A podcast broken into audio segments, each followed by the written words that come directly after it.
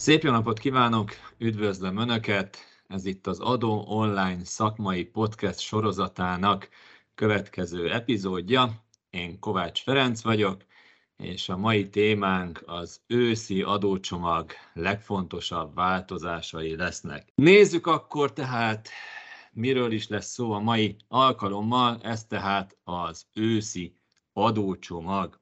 Akik vágyfülűek vagy jogászok, azoknak azt tudom mondani, hogy 2022 évi 45-ös törvény, amit a magyar közlöny 2022. november 23-ai megjelenésű számában találhatnak meg.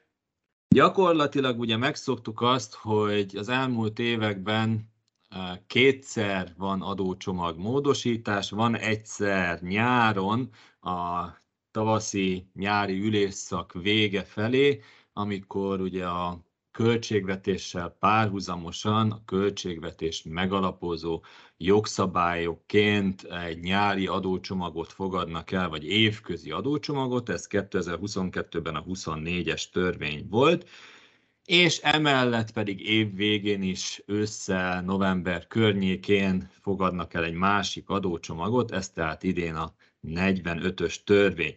Ugye a 22-es év az abból a szempontból is speciális volt, és egy kicsit hasonló, mint a korábbi évek, hogy amellett, hogy van ez a két adócsomag, amellett azért évközben több adóváltozás van, és ez ugye idén kicsúcsosodott abban, hogy ugye a katával kapcsolatban egy vadonatúj jogszabály jött ugye nyáron, Erről szólt az előző podcast adás, aki nem hallgatta meg, annak nagyon ajánlom, hogy hallgassa meg, sok új információ található meg benne. És emellett még, ugye mivel veszélyhelyzet van továbbra is, e, most már nem egészségügyi veszélyhelyzet, mint a Covid alatt, hanem ugye háborús veszélyhelyzet, ezért kormányrendeletben is vannak adó jogszabály módosítások, ezek azonban átmenetiek, és előbb-utóbb törvényi szintre fognak mindenféleképpen kerülni. De hogy a konkrét témánkról beszéljünk, az őszi adócsomagról, vagy évvégi adócsomagról, hát sok változás van. Én most igyekeztem azokat kigyűjteni önöknek, ami többeket érint, vagy az adózók nagy többségét érinti, legyen szó akár magánszemélyekről, akár gazdálkodókról, tehát egyéni vállalkozókról, cégekről, és a életünket, munkánkat remélhetőleg eh, megkönnyíti. Adómenemenként gyűjtöttem ki a változásokat, és először én kezdeném a személyi jövedelemadóval eh, kapcsolatos változásokkal.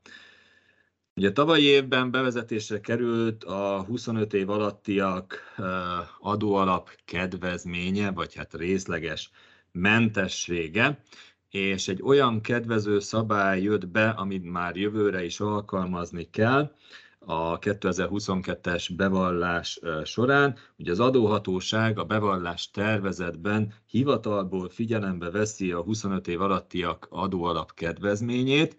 Ugye erről van egy adatszolgáltatás az adóhatóság felé, Úgyhogy innentől kezdve ezt az SZIA bevallási tervezetben tudja jelezni. Így, hogyha valaki elfelejtette, rosszul alkalmazta, vagy a kifizetője rosszul alkalmazta volna, esetleg kevesebb bérre alkalmazta volna ezt az adóalap kedvezményt, ott ezt látni fogja a 25 év alatti fiatal, hogy esetleg nincs-e probléma az adóalap kedvezményével, úgyhogy érdemes a fiataloknak is nézni az ESZIA bevallás eh, tervezetet, ugye az esia.nav.gov.hu oldalon, eh, amikor majd arról lesz szó, esetleg tavasszal hallgatnak engem, akkor ez már aktuális lesz, mert ott már ezt az adatot is tartalmazza majd a bevallás tervezet.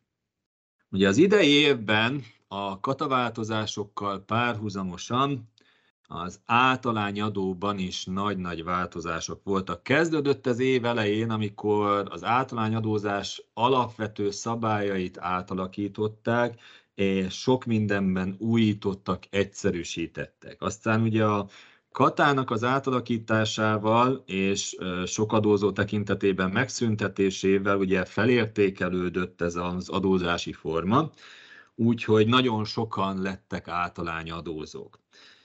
És ezzel, hogy nagyon sokan lettek általányadózók, ezt látta a kormányzat is, és tudja, hogy a katához képest természetesen az administratív kötelezettségek azok, azok jóval több, mint ami a katánál volt, de most ezt igyekszik egy kicsit revideálni, és egy eh, kicsit könnyebbé tenni. Ezzel összefüggésben azt lehet mondani, ugye, hogy az egyik legnagyobb mondjuk azt, hogy probléma az általányadózóknál az az, hogy havonta, legalábbis az idei évben, havonta egy úgynevezett adó és járulék bevallást kell beadni. Akik szakmabeliek azoknak, hogyha azt mondom, hogy 58-as számú bevallás, mint havi adó és járulék bevallás, azok tudják, hogy miről beszélek. Úgyhogy ezt a bevallást ugye havonta kell a járulék, illetve szocfó kötelezettség, elsősorban ezen kötelezettségekről benyújtani. Jövő évben, tehát 2023-tól ez a kötelezettség, ez haviról negyedévesre változik, tehát egy adminisztrációs egyszerűsítés jön. Ugyanakkor azt azért apró betűben meg kell jegyeznem, hogy ugyan negyedévente kell beadni ezt a adó és járulékbevallást, majdnem azt mondtam most is, hogy havi adó és járulékbevallás, de ez itt akkor negyedéves járulék, adó és járulékbevallás lesz, tehát ezt az 58-as bevallást negyedévente kell benyújtani, ugyanakkor havi bontásban kell az adatokat közölni. Tehát ez is nagyon fontos, hogy hiába negyedéves, a kötelezett lesz a kötelezettség 2023-tól, az adatokat azokat havi bontásban kell eh, szerepeltetni. Ami még változás az átlányadózással kapcsolatban, hogy idáig az átlányadózás választásával összefüggésben a bevételi korlátokat ugye a választás adóévét megelőző évre, és ugye várható adatként a választás adóévére kellett alkalmazni. Tehát figyelembe kellett venni a választás megelőző évnek a bevételeit. Ez 2023-tól eltörlésre kerül, tehát csak az adóévi eh, bevételi korlátot kell nézni, ami ugye az éves minimálbér tízszerese főszabály szerint, tehát addig lehet általányadót választani, kizárólag kiskereskedelmi tevékenységet végző adózóknál az éves minimálbérnek az 50, száza, 50 szerese, bocsánat, nem 50 százaléka, hanem 50 szerese az, ami bevételi korlátként alkalmazandó. Ami még változott, hogyha általányadózó családi járulékkedvezményt kíván érvényesíteni, akkor negyedévente szükséges egy SZIA előleg bevallást benyújtani. Személyi jövedelemadóban ezek a legfontosabb, illetve a legnagyobb ívű változások. Emellett vannak még egyéb pontosítások, de ezek jóval kevesebb adózót érintenek. Társasági adóban is vannak apró módosítások, és a kiva adónemben is vannak apró módosítások, de időhiányában ezekről én meg amiatt is, hogy kevés adózót érintenek, én erről most nem beszélnék. Annyit elmondok, hogy ugye várták többen, hogy a kata törvény, ugye ez az új kata törvény, a 2022 13-as törvény is módosításra kerül ebben az adócsomagban, de ez nem történt meg, tehát semmi érdemi módosítás nincsen a 2022 13-as törvényel, a kata törvényel összefüggésben. Nézzük a következő adónemet, ez pedig az általános forgalmi adó. Általános forgalmi adónál a adópolitikai kommentek azok arra hegyezték ki a változásokat, ugye, hogy az új építésű ingatlanoknál továbbra is marad a kedvezményes 5%-os adókulcs. Ez 2024. december 31-ig hosszabbította meg a törvény. Ugyanakkor abban az esetben, hogyha 2024. december 31-ig van végleges építési engedély, tehát véglegessé vált, vagyis régi nevén jogerős építési engedély, vagy pedig ha csak bejelentés köteles az építés, akkor eddig megtörtént a bejelentés, akkor a 2028. december 31-ig átadott új építésű ingatlanoknál is lehet alkalmazni még ezt az 5%-os kedvezményes adómértéket. Emellett még egy olyan érdekes változás is van, hogy a jogutódlás az áfában mindig egy érdekes kérdés volt, vagyis hogyha hogy egy átalakul egy cég, akkor a jogelődre szóló számlát azt el lehet-e fogadni, meddig lehet elfogadni, ugye el lehet fogadni a jogutódlás esetén, ugye a jogutód az, aki a jogosultságokat és a kötelezettségeket viszi tovább. A jogutódlás az egy eléggé zárt folyamata a jogban, a pol, jellemzően a polgári jogban, és ez a zárt folyamat, ez egészült ki az agrárgazdasági törvény úgy, új rendelkezései alapján, lehetséges az agrárgazdálkodók között egy úgynevezett gazdaság átadási szerződés megkötése, tehát amikor gazdálkodók bizonyára az agrárgazdaságokat átadják egyiktől a másikig, és ez is egy áfa törvény szerinti jogutódlásnak minősül. Ugyanakkor felhívnám a figyelmet, hogy bekerült ebben az esetben az áfa törvénybe az, hogy itt a jogutód mellett egyetemlegesen felel a jogelőd is a kötelezettségekért, tehát kettős felelősség van, hogyha a jogutód nem teljesítene, akkor a jogelődnek továbbra is teljesíteni kell.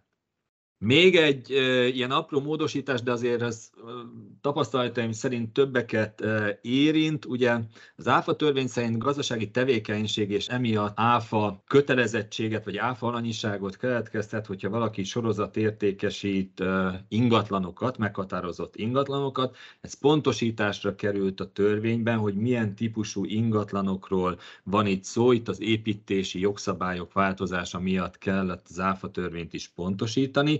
Akit ez érint, javaslom, hogy az ÁFA törvény elejét, ahol a gazdasági tevékenység fogalma van, azt tüzetesen tanulmányozza. Sajnos azt tudom mondani, hogy az ördög a részletekben lakozik, tehát minden szónak súlya van, ezért is nem tudom, és ez a formátum sajnos nem alkalmas rá, hogy egy hosszas jogértelmezésbe bocsátkozzak, szóval érdemes akkor átolvasni, hogyha valakinek olyan ügyfele van, vagy valaki személyesen úgy érintett, hogy ugye meghatározott időn belül ugye sok ingatlant értékesít. Ha már ingatlanok, ugye meghatározott ingatlanokhoz kapcsolódó szolgáltatásoknál ugye fordított adózást kell alkalmazni.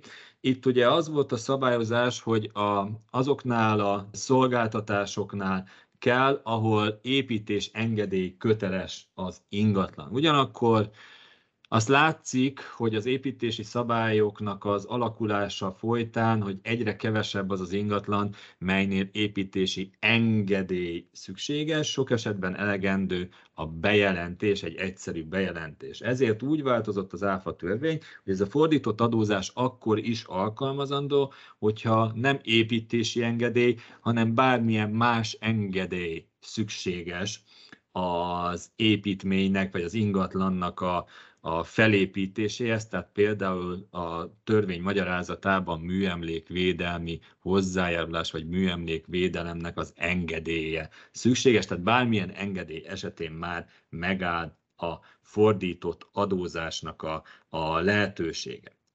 Számlázással összefüggésben annyi a pontosítás, hogyha külföldi pénznemben van kiállítva a számla, akkor ugye idáig az áfát, tehát a az adó kötelezettséget azt mindenféleképpen forintban kellett feltüntetni, ugyanakkor az új szabályok alapján csak akkor kell a belföldi adó kötelezettséget forintban feltüntetni, ha egyáltalán belföldön adóztatandó az ügylet. Tehát, hogyha magyar áfa törvény hatáján kívüli az ügylet, tehát nem Magyarországon adóztatandó, akkor ezt az adatot nem kell feltüntetni. Nagyon érdekes, és ez is kiemelésre került általában a híradásokban, hogy bevezetésre kerül az elektronikus nyugta adatszolgáltatás, illetve az elektronikus nyugta. Na most ez nagyon szép és jó, jogszabályi oldalról törvényi szinten valóban bevezetésre került, ugyanakkor kapásból az ÁFA törvény azt mondja, hogy a részletes szabályokat majd egy később megalkotandó pénzügyminisztériumi rendelet fogja tartalmazni.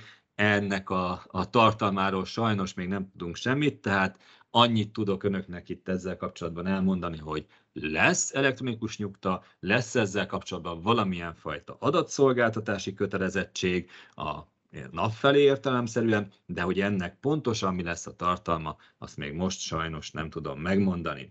És még egy dolog alanyi adómentességgel kapcsolatban, Amennyiben az alanyi adómentes adózó bejelentkezett az úgynevezett OSS rendszerbe, ez egy Európai Uniós rendszer, ahol Európai Uniós, illetve export távértékesítéseket lehet beregisztrálni, akkor itt nem járhat el alanyi adómentes minőségébe, tehát adófizetési, áfafizetési kötelezettsége keletkezik, és ezzel párhuzamosan természetesen az ilyen jellegű értékesítése az alanyi adómentesség értékhatárába nem tartozik bele.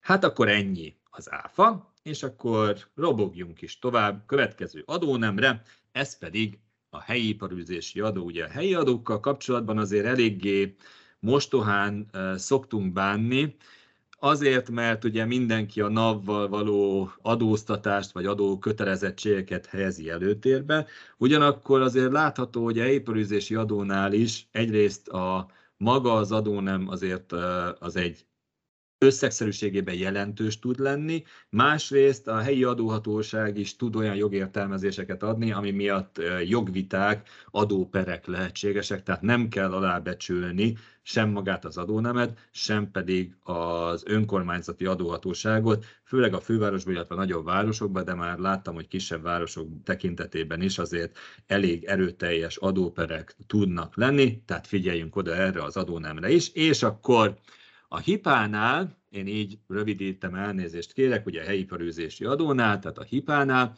ugye az egyik nagy probléma az volt, hogy rengeteg fajta egyszerűsített adóalap meghatározási mód volt. Tehát aki nem a főszabály szerinti helyi iparűzési adó megállapítási módot kereste, hanem jogosult volt valamilyenre, azt többfajta lehetőség közül választhatott elvileg, illetve bizonyos élethelyzetekre ezt lehetett alkalmazni, bizonyos élethelyzetekre azt lehetett alkalmazni. Na ebbe a kuszaságba, összevisszaságba teremt rendet az őszi adócsomag jövő évtől kezdődően.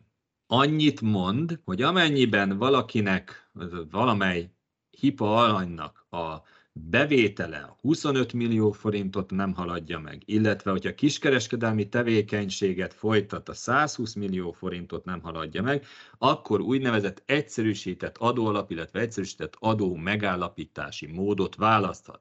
Tehát a korábbi egyszerűsítési módokból egyetlen egy maradt, és itt ez a feltétel, hogy 25 millió alatti legyen a bevétele, illetve bolti kiskert tevékenységnél 120 millió forint alatti legyen a bevétele. Hogyha ezt választja, akkor egyrészt nem kell az adóalapot megosztani telephelyenként, majd meglátjuk mindjárt, hogy miért, és bevallás sem kell beadni. Tehát ez egy nagyon nagy novum, csak fizetni kell, bevallást nem kell beadni. Mondjuk, aki katás volt, és a kata egyszerűsítést választotta korábban, akkor annak ez azért nem lehet egy ismeretlen dolog. Na és akkor hogy kell megállapítani az adóalapot? Azt mondja a törvény, hogy ha valakinek a bevétel a 12 millió forintot nem haladja meg, akkor a HIPA adóalap egységesen telephelyenként, ha valakinek egy telephelye van, akkor ugye egyszeresen 2,5-2,5 millió forint. Tehát 12 millió bevétel alatt 2,5 millió forint telephelyenként. Hogyha 12 és 18 millió forint között van a bevétele, akkor az adóalap 6-6 millió forint telephelyenként, ha pedig 18 millió forint fölött van, ugye 25 millióig lehet elmenni, illetve bolti kisker tevékenységnél 120 millióig, ott pedig 8,5-8,5 millió forint ez az adólap, és erre vetítve kell ugye e, meghatározni, illetve megfizetni a helyi iparűzési adót a önkormányzatonként megfelelő adó mértékben. Na most hogyan tudok választani ilyen szuper egyszerű adóalap megállapítási módot? Hát első alkalommal majd 2023. május 31-ig benyújtandó HIPA bevallásban lehet jelezni, hogy hello, hello, én már szeretném 2023-ban ezt a megoldást alkalmazni, és hogyha én ezt választom, akkor visszavonásig alkalmazhatom. Ekkor kell tehát megfizetni a helyi iparűzési adót, még azt is tartalmazza a törvény, ugye, hogy elméletileg ugye tavalyi év miatt március 15-ig kellett egy előleget fizetni, azt bele lehet számolni ebbe a május 31-es fizetési kötelezettségbe. És nagyon fontos, tehát egy fizetési kötelezettség van, nincsen sem ezen túlmenően semmiféle bevallás, semminek a, a benyújtása nem szükséges. Ez alól egy kivétel van, abban az esetben kell bevallást benyújtani, ilyen egyszerűsített adóalap meghatározásnál, hogyha sávot váltunk, mármint nem az autópályán váltunk sávot, hanem itt az egyszerűsített adóalap sávot váltunk, tehát hogyha valakinek az előző évben mondjuk 12 millió forint alatt volt a bevétele, majd a következő évben mondjuk 16 millió lett, és akkor onnantól kezdve már nem a két és fél millió forintos adóalapot kell vele kapcsolatban alkalmazni, hanem a 6 millió forintos adóalapot, akkor eh, neki május 31-ig, de akkor is csak egyszer egy bevallást eh, kell benyújtani, de egyébként ez nem szükséges. Na, nagyon röviden ez a hipánál, helyiparűzési adónál az egyszerűsítés. Én azt gondolom, hogy ez tényleg jelentősen leegyszerűsíti a kis és középvállalkozások helyi adókötelezettségét administratív oldalról is. És akkor még egy egyszerűsítést eh, szeretnék önöknek elmondani, ez pedig a szociális hozzájárulási adó, illetve a járulék vonatkozásában is, illetve az, hogy egyszerűsítés, az nem biztos, hogy pontos megfogalmazás részemről, ugyanis Administratívan nem igazán egyszerűsítés, pénzfizetési kötelezettségben mindenféleképpen. Ugyanis bevezetésre kerül az úgynevezett göngyörítéses számítási mód, méghozzá az általányadózóknál. Tehát az általányadózók szocó, szociális hozzáállási adó, illetve járulék kötelezettségénél göngyörítéses módszert lehet alkalmazni. Ez ugye miért van, vagy miért került bevezetésre? Ugye hogyha én egy főállású egyéni vállalkozó vagyok, akkor ugye szocó, illetve járulék szempontjából van egy minimum fizetési kötelezettségem, minimálbér, illetve garantált bér minimum 100, illetve 112,5 százalékának megfelelő összeget kell fizetnem havonta, akkor is, hogyha az adott havi jövedelmem, figyelembe véve ugye az általány adó jövedelem meghatározását, akkor is, hogyha a jövedelmem az nem éri el ezt a szintet. Tehát így pluszban fizetek.